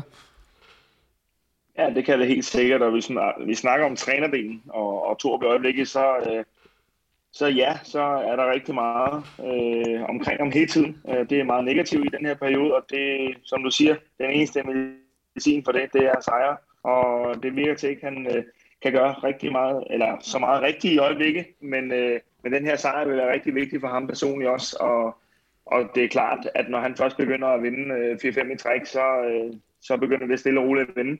Men øh, der skal bevises lidt over noget tid, tror jeg, for fansene, at, øh, at der kommer øh, jævnlige sejre på kontoen, og man ser, at øh, FCK er en magtfaktor i ligaen igen. Øh, så, så, så kan han vende det på den måde. Men det er klart, at øh, når du først kommer ind i sådan en spiral, både som træner og spiller, så, så er det svært. Øh, der skal meget til at overbevise øh, fans og omverdenen om, at øh, man så er en rette. Øh, men igen, så kræver det, det kræver, det kræver nogle også, og det kræver noget øh, hårdt arbejde for at arbejde sig ud af det, især som spiller. De kritiske røster har i hvert fald været voldsomme. Øh, nu har han måske fået en lille smule ro på, i hvert fald for en stund, øh, med en sejr over OB. Men ja, der skal nok ikke så meget til for, at, at uh, utrygheden uh, blusser op igen. Uh, Jesper, der, vi har haft en del af vores lyttere, der ligesom har spurgt os og sagt, hvad er egentlig uh, Jes Torups projekt? Det er enormt svært ved at se det uh, fra kamp til kamp. Nu har vi snart kendt ham igennem et år som FCK-træner. Uh, sidste uge havde vi uh, Christian Lønstrup uh, i studiet, uh, og han sagde, han havde egentlig en ret stor tiltro til, at uh, Jes Torup nok skulle få styr på det, men at det vil, det vil kræve lidt tid. Øh, hvordan er du, hvordan ser du på det med dine øh, fodboldtaktiske øjne? Har du tro til, at øh, på at Jes Torp øh, nok skal formå at få noget godt ud af det her FCK-hold? Jamen, jeg synes, hvis du ser på den første halve time i dag især, så synes jeg, man ser noget af det, at øh, der blev snakket om, de gerne vil. Øh, og det var meget positivt at sidde og se på. Øh, og det er klart, det er en, det er en anden måde, øh, han vil spille, end øh, FC altid har gjort. Øh, så det, det tager jo selvfølgelig noget tid, men, men øh, jeg tror også for FCK-fans øh, og omverdenen, så er det også begrænset, hvor meget tid man har øh, til at bevise og levere. Øh, men jeg, jeg har kun hørt udefra, øh, at han er en dygtig træner, øh, så jeg har da stadig tro på, og tror på, at øh, det kan blive rigtig godt. Øh, men igen, øh, det skal ses, og det skal, der skal sejre på kontoen, og man skal se dem Øh, FCK-hold i toppen igen som magtfaktor, som jeg sagde før. Øh, for det, altså, det er den vej, man skal bevise. Og, øh, og, øh, men altså, ja, altså, det skal også til at være, og man skal til at se den der udvikling nu, synes jeg også, øh, som man så i dag også. Øh, nu snakker vi meget om, at folk var meget efter ham sidste sæson med, at man ikke kunne holde nål og lukke mange mål ind, og det, det gjorde de også. Og, og, og det synes jeg, at man skal give kado til, at man ser øh, tre clean sheet nu så, øh, så tænker jeg også, at der begynder at blive gjort noget ved det. Og så skal vi begynde at kigge lidt frem øh, på ugen, der kommer, fordi øh, FCK skal spille øh, to kampe endnu en gang den her uge. Og øh, vi starter jo i Bulgarien øh, mod Lokomotiv Plovdiv på torsdag, Kasper. Og nu er jeg jo ikke nogen kæmpe stor Plovdiv-kender. Hvor svært et, hvor godt et hold er det her bulgarske hold, som vi skal møde? Jamen altså, jeg ved alt om øh, lokomotiv, så, øh, så det er ikke noget problem. Nej, spøg til side. Øh, det, det, det er et bedre hold, end det vi øh, måske på papiret havde regnet med. De var øh, 3-4 minutter fra at slå Tottenham ud sidste år i øh, Euroleague. Øh, de blev nummer to i den bulgarske liga, øh, og så er der en, en sidste ting, og det er, at på kamptidspunktet på torsdag, der øh, forventer man øh, op imod 39-40 grader øh, nede i Bulgarien, som vidderligt også kan blive en, øh, en, en medspiller i, i det her. Når det så er sagt, så er de kommet lidt skidt for land øh, og har tabt deres to første kampe i den øh, bulgarske liga, så det er i hvert fald ikke et hold, der kommer med den samme selvtillid, som, som vi kommer med. 40 graders varme, Jesper Christiansen. Jeg ved ikke, om du har spillet i, i, i så varmt. Der er det måske en fordel, når man spiller rigtig varmt sted at være målmand, for så skal man trods alt ikke okse øh, op og ned langs linjen. Ja, det, det tænker jeg er en fordel, og så forhåbentlig også, hvis man spiller så sent om aftenen som muligt, øh, som man jo gør i Spanien og så videre, så det, vil det være en fordel. Men det, det bliver da en svær opgave. Øh, nu ved jeg, at vores øh, ejer i fra Marmar har også en klub i Plovdiv. Det er den anden klub i den by. Og øh, de er ikke helt på samme niveau, som det hold, øh, FCK skal møde. Men, øh, men når det er sagt, så, så er det også et hold, som FCK skal slå. Og, og vi skal videre for dem. Det, det er helt sikkert. Det håber vi på. Øhm, og så er det jo en form for opvarmning i hvert fald til en af de store kampe i sæsonen, der er Derby næste weekend. Øh, vi møder Brøndby, og Jesper Christiansen, øh, du har jo spillet din portion Derbys. Øh, hvordan øh, er det egentlig at, at spille Derby mod Brøndby? Det er fantastisk. Øh, både, både ugen op til og alt det gejl og lir, der er omkring den her kamp, og det er jo altså, det, det er den kamp, du ikke må tage på hele året. Øh, og øh, at komme ud på Brøndby Stadion og vinde der, jeg har også været så heldig, at vi har taget et mesterskab på deres bane. Det var endnu sjovere. Så øh, de der kampe, det er fantastisk spil, og dejligt at åbne op for alle tilskuerne igen, så der kan komme gang på lægterne. Øh, når jeg ser de kampe nu, jamen så, så må jeg være ærlig indrømme, så drømmer man lidt tilbage, og så øh, savner den stemning, der var, og den stemning, der var at stå nede i målet, øh, både med ens eget fans ryggen, og i den anden halvleg bare blev svinet til i 45 minutter, tror jeg. Det, det er fantastisk, de kampe, og der er så meget på spil på og ud for banen, så, øh, så det er en kamp, jeg glæder mig til at se. Men når man står som målmand der med alle øh, modstandernes fans i, i, i ryggen, øh, kan, man, kan man øh, holde dem ude, eller, eller mærker man det tryk, øh, der er? Jeg, jeg går også ud fra, at der bliver kastet ting i ny og næ. Jo, jo, jeg har da fået telefoner i hovedet, og masser af mønter, og det ene og det andet. Øh, den, den, den fan, der så var så heldig at kaste en telefon i nakken på mig, han har glemt at smide SIM-kortet ud, så de kunne hurtigt finde ud af, hvem han var. Øh, men øh, men øh, det er klart, at øh, det, er jo, det er jo også igen forskelligt fra person til person, fordi for mig så motiverer det mig. Altså jo mere de skreg af mig og var efter mig og kastede ting efter mig, jo mere motiveret blev jeg. Øh, så jeg synes, det var fedt at stå i de omgivelser og den atmosfære. Øh, heller det end at stå på et øh, halvtomt stadion. Fansene har jo et ret anstrengt øh, forhold til hinanden, FCK og Brøndby-fansene. Men dengang du spillede, altså hvordan var forholdet egentlig til, til de Brøndby-spillere, som jo mødte et par gange om året? Uh, de var egentlig øh, okay. Der var nogen, man uh, snakkede med, altså selvfølgelig også nogen, man ikke snakkede med. Uh, der var også nogen, man var afsted med landsholdet med jo. Uh, så det var egentlig okay, men det er klart, når vi fløjte op der, så var der ingen, der var gode venner overhovedet. Øhm, så der var et, øh, et lidt øh, hadforhold mellem spillerne også der. Øhm, og der var, det var ondt blod, når man var i gang derinde. Øhm, og øhm, jeg tror ikke, der var mange af vores spillere, der sås med nogen Brøndby-spillere, i hvert fald ude på banen. Nu er det Brøndby, øh, vi møder i weekenden, Kasper, og øh, altså inden dagens OB-kamp, der så jeg en, en del øh, debat på nettet, øh, hvor folk var meget skuffet efter de første to uafgjorte, og der var flere, der ligesom sagde, jamen prøv at høre, altså det bliver en forfærdelig start for FCK, fordi vi kan ikke tage til Odense. Det er ikke særlig let, vi kommer ikke til at tage til Odense og vinde. Og så har vi øh, et opgør mod Brøndby ugen efter, og det er vi heller ikke gode nok til at vinde nu, og så er, vi, så er nærmest sæsonen nærmest gået.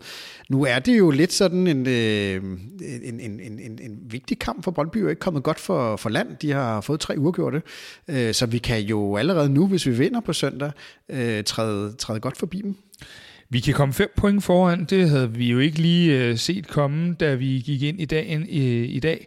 Øh, og så kan man sige, at øh, nu ved vi jo aldrig, hvad der sker i løbet af ugen, men øh, det er et øh, Brøndby-hold, der lige nu øh, kæmper voldsomt med nogle ting. Øh, det, det er nogle, nogle store profiler, de har, øh, de har mistet, og der er ikke rigtig kommet det store ind endnu, så øh, det er faktisk også et rigtig, rigtig godt tidspunkt at møde øh, Brøndby på. Vi har så den hage, at vi, vi først er hjemme øh, fredag øh, morgen fra, fra Bulgarien, men vi har også så, så mange spillere, der byder sig til lige nu, at øh, jeg tror, vi vil se to hold torsdag og, og søndag, der ikke er identiske, og så vil der være nogle øh, spillere, for eksempel eksempel en Peter Ankersen, der, øh, der kan spille øh, den der torsdagskamp, fordi han har ved Gud stået imod i mange europæiske kampe for FC København. Og sådan tror jeg, at man vil se nogle forskellige spillere, øh, fordi de er ret lige mange af dem på positionerne. Det kunne være en lærer øh, og så videre. Så jeg, jeg tænker, at øh, det er et godt tidspunkt at møde dem på, og jeg, jeg er ret sikker på, at øh,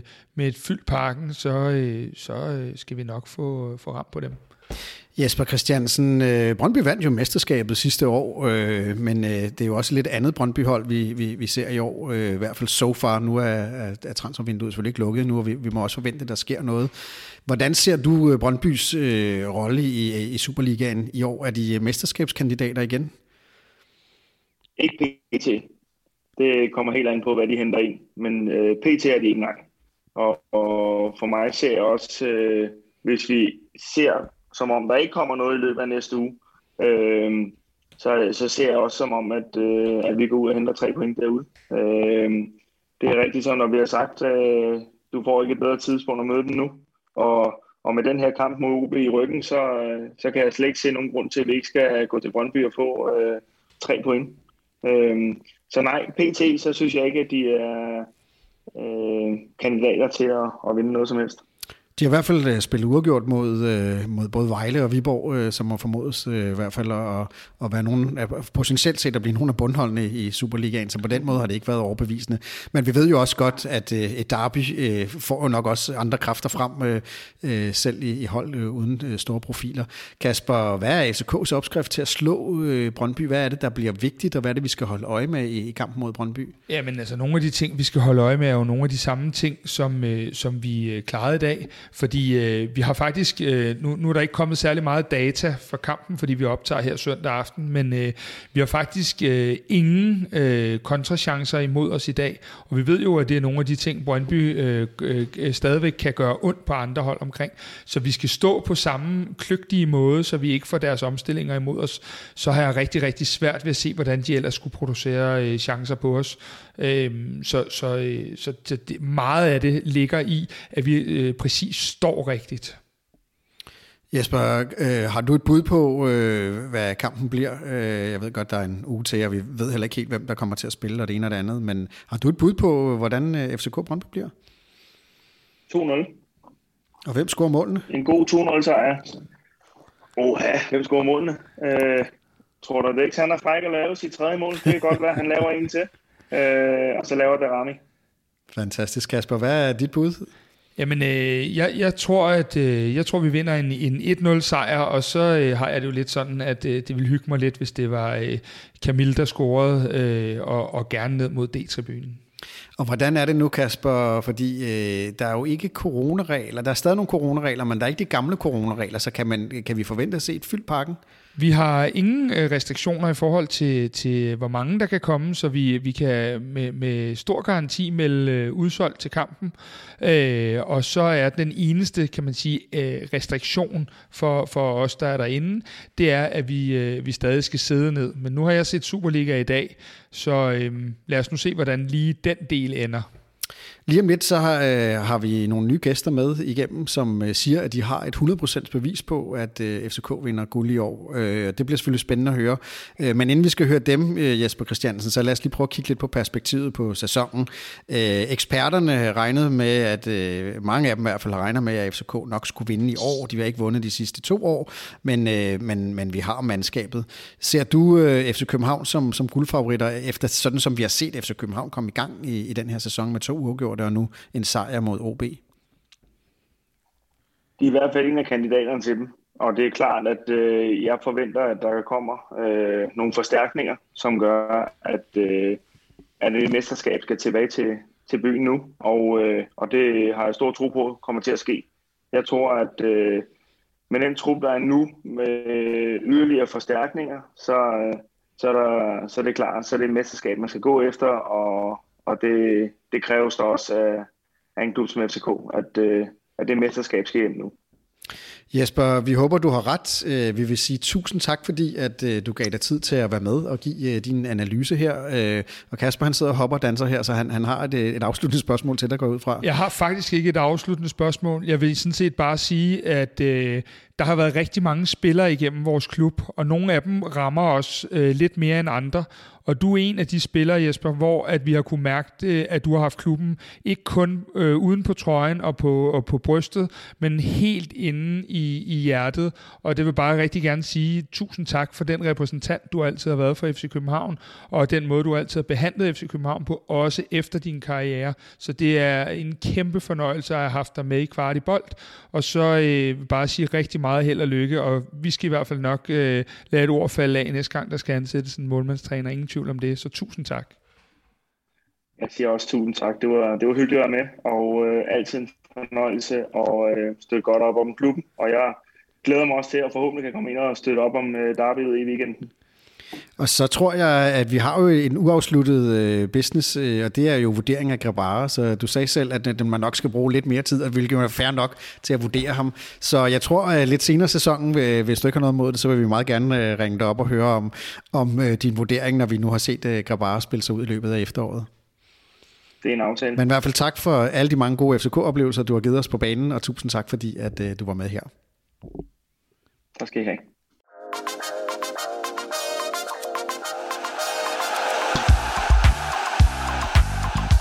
Det var Jesper Christiansen. Lige om lidt, så skal vi have beviset for, hvorfor FCK vinder guld. Øh, nu har vi teaset for det hele udsendelsen. Men inden vi skal det, så skal vi lige til øh, kåre månedens spiller. Øh, og Kasper, du har jo spurgt ind i vores Facebook-gruppe, øh, hvem det er, der, der, der vinder månedens spiller.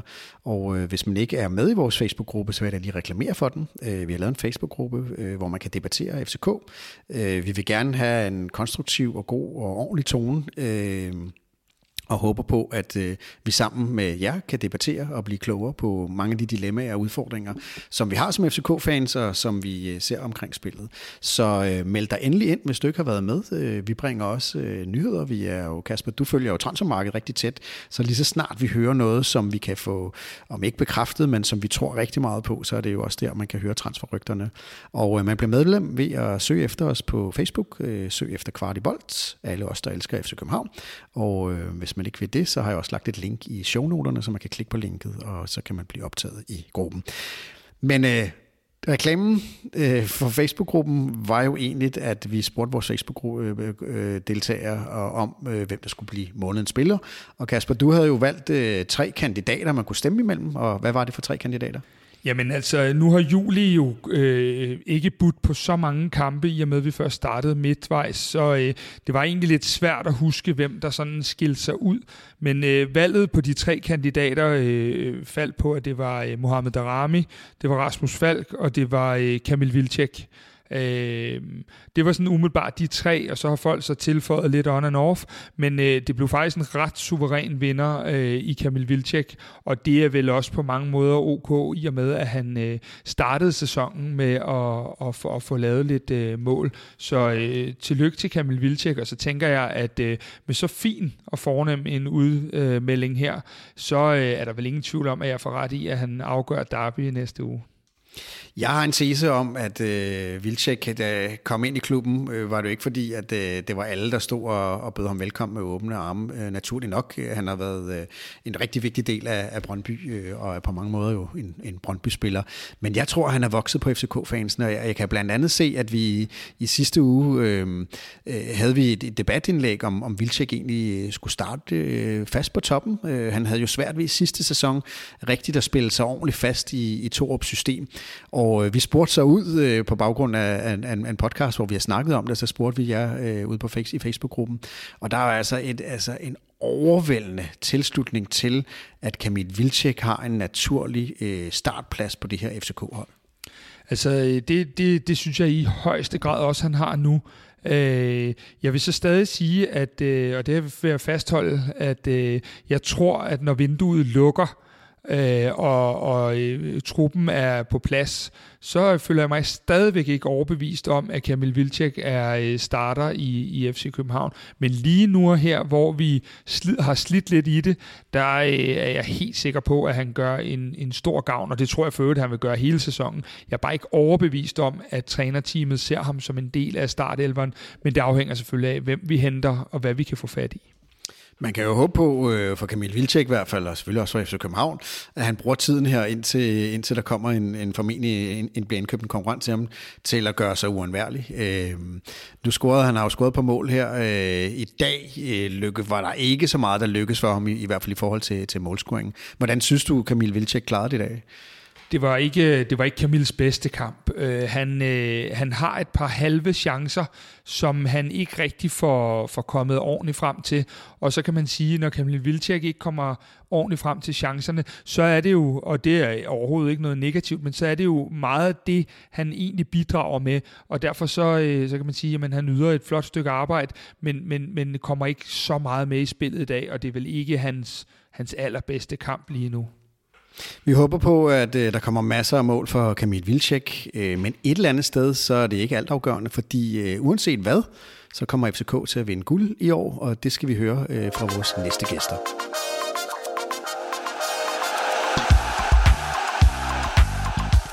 Derfor har vi lavet en eksklusiv aftale med Guldekspressen om, at de aflægger statusrapport en gang om måneden med, hvordan det går med at sikre guldet. Så derfor er det med stor stolthed, at jeg kan byde velkommen til de to logofører på Guldekspressen, Mikkel Overgaard Vangby og André Nielsen. Og inden vi lige introducerer, hvem I er, lad mig lige indledningsvis spørge jer, øh, vinder FCK guld i år? Ja, ja, selvfølgelig. Det er bare et spørgsmål om, hvornår. Ja, ja. Det er, om det er september eller oktober, det er vi lidt i tvivl om, men, men ja, ja, det gør vi. Så langt er jeg jo enige med eksperterne op til Superliga-runden. Altså inden Superliga-starten i år, der tror jeg langt de fleste øh, eksperter havde guld til FC København, og det har I selvfølgelig også, så på den måde er I jo eksperter.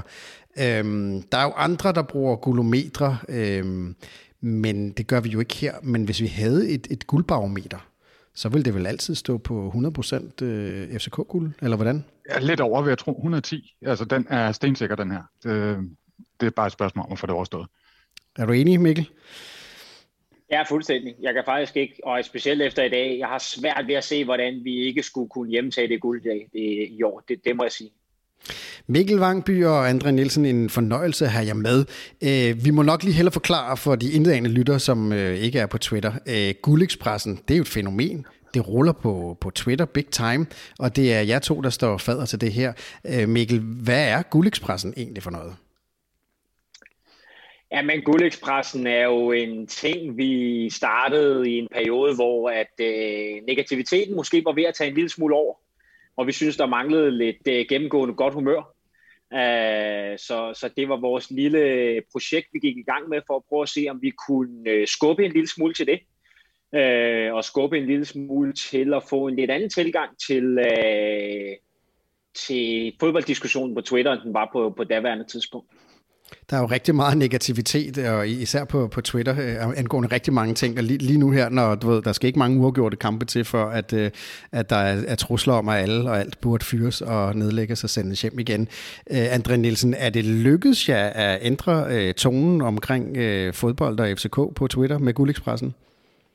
Ja, delvist i hvert fald. Der er nogen, der hopper på og, og af igen og, og så videre, men, men øh, jeg synes, at vi har fået nogen med, og jeg synes, at i hvert fald det overordnet er blevet mere positivt så har der lige været en periode, hvor der har været lidt, lidt utilfredshed på grund af det med Fischer, men øh, det, det, det går nok over igen, og så hopper folk på. Der skal bare nogle sejre til. Vi, øh, vi tror jo meget på, på det positive øh, indslag. Kasper, du har jo været med øh, siden øh, FCK start i, i start 90'erne. Der er jo noget 90'er FCK over de her to drenge, ikke? Øh, den der glødende ironi, øh, selv når det går dårligt. Lige præcis. Det er jo et, et indslag, som øh, de mest hardcore FCK-fans øh, nok vil kunne huske tilbage på. Øh, 90'ernes, vi ligger nummer 8. Det er jo lidt, kan man sige, øh, en medspiller til, at vi, øh, at vi vi godt kan tage lidt pis på det hele for at fremme det gode humør, og så også for, at, øh, at diskussionen måske en gang imellem øh, ikke hopper alt for meget af, af, af pinden.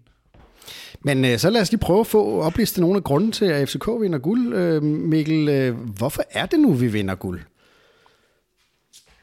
Jamen det gør vi jo, fordi et, vi er FC København, så det er øh, en regel i dansk fodbold igennem de sidste mange år, at, at det skal vi. Så den er ikke så meget længere så gør vi det også, fordi at vi med afstand har øh, den bedste trup i ligaen. Det kan heller ikke øh, i min optik være så meget anderledes. Så det gør vi egentlig bare, fordi vi er bedst. Altså, den, den, øh, den, den er ikke så meget længere lige, hvad det angår. Vi vinder øh, guld, fordi vi er FC København. Andre Nielsen, hvorfor vinder FCK guld i år? Jeg vil gerne lige starte med at sige, at øh, jeg synes, at øh, Kasper han gør det her guldekspressen lidt sjovt. Det er overhovedet ikke sjovt. Øh, det er altså blodig alvor. Jeg ved ikke, hvad det ligner. Så her, jeg, jeg, jeg vil godt undskylde for åben mikrofon allerede nu. Det, nå, nå, det er godt. Fint. Jamen, øh, vi vinder guld, fordi det, for det første, fordi vi skal, og fordi vi er de bedste. Vi har den bedste trup, og vi har en god træner, som, som tidligere har bevist, at, at det kan han. Øh, og ja, Men som journalist, så må, så må jeg lige stille et kritisk spørgsmål, fordi I er jo logofører på Guld Expressen. Og ja. Øh, den rullede jo for fuld knald også sidste sæson, og vi vandt ikke guld. Altså, hvordan vil I, hvordan vil I dog forklare den? Ja, der skete noget op i Aarhus, som var lidt svært for os. Øh, det var uden for vores herredømme. Det var en øh, tilbagelægning, som, ja, man kan kalde det en systemfejl, øh, eller en teknisk fejl. Den tror jeg er udbedret nu, øh, så det skal ikke igen. Og så kom vi måske lidt sent fra start. Vi havde måske øh, undervurderet lidt, at det er ikke så nemt at vinde guld fra fjerdepladsen og 10 point op, men øh, vi troede på det. Øh, men der var lige ham Havsner der. Så, så man kan sige, en uh, system, system, systemfejl uh, lagde en bjælke over sporet og, og derailede uh, Guldekspressen for en enkelt sæson. Men hvad, nu er det jo anden sæson, I kører Guldekspressen, ja, det kører nu. så der det må vi jo forvente, det, at, at I har, I har styr ja, på det, ikke? Det er faktisk kørt det så meget efter planen, at øh, jeg blev kontaktet af de japanske statsbaner her for nylig, JSB, som de kalder sig, fordi de har lidt problemer med tog, der kører ja, næsten 10 sekunder for tidligt. og de kunne godt tænke sig at høre, hvordan er ledes med Guldekspressen, fordi der er de altså meget imponeret. Men det er vel også... Et... Sige, nej, det, det kan vi ikke hjælpe med, fordi vi kan ikke redde hele verden, men, øh, men det kører.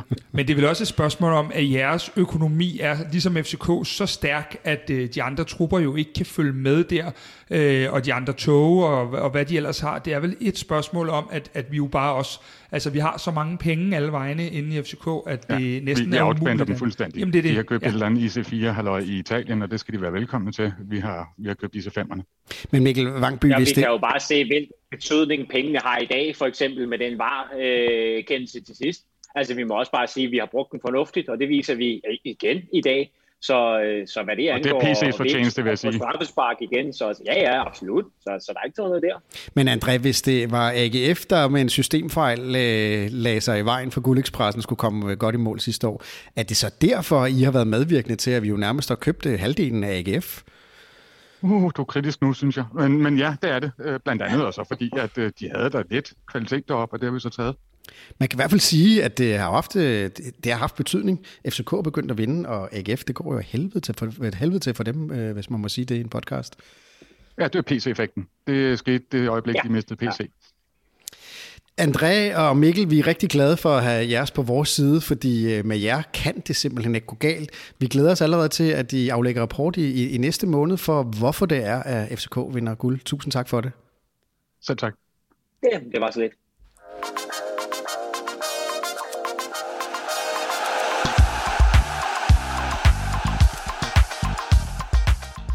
Det her var endnu en udgave af FCK-podcasten Kvart i bold. Eftersom du har lyttet med helt til nu, så har det forhåbentlig været tiden værd. I så fald vil vi sætte pris på, hvis du vil give os en god anmeldelse i Apple Podcast, eller hvor du end måtte lytte til den her podcast. Hvis du er ny lytter af podcasten, så skal du huske at abonnere på os i din podcast-app, så du aldrig går glip af nye afsnit. Vi er også meget interesserede i at vide, hvad du synes om podcasten, og hvad vi kan gøre for at lave en endnu bedre podcast. Der ligger et link i shownoterne til et spørgeskema. Det tager kun et par minutter at udfylde, og det betyder alverden for os. Der ligger også et link til vores Facebook-gruppe, hvor vi forsøger at skabe en nuanceret og værdifuld debat om FCK. Og så er der også et link til vores nyhedsbrev, hvor vi samler op på interessante historier og perspektiver om FCK. Det er blandt andet her, at vores dataanalytiker Henrik Tystrup skriver meget detaljerede analyser af FCK-spil og FCK's spillere.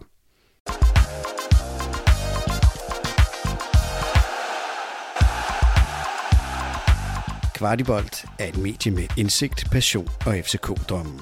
Mine damer og herrer. Vi giver dig analyser. Sækker viser det jo i, i, i noget nær den smukkeste sprint over 60 øh, meter.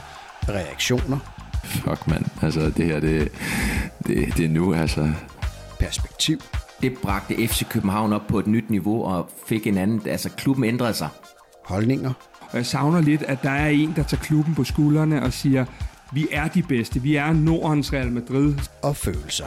Og så lige begynder hele trianglerne at råbe, og jeg tjekker min livescore, og så begynder jeg at råbe. Hvor er det fucking sindssygt. Hvis du er ny lytter af Kvartibolt, så ligger der masser af spændende programmer og venter på at blive lyttet på.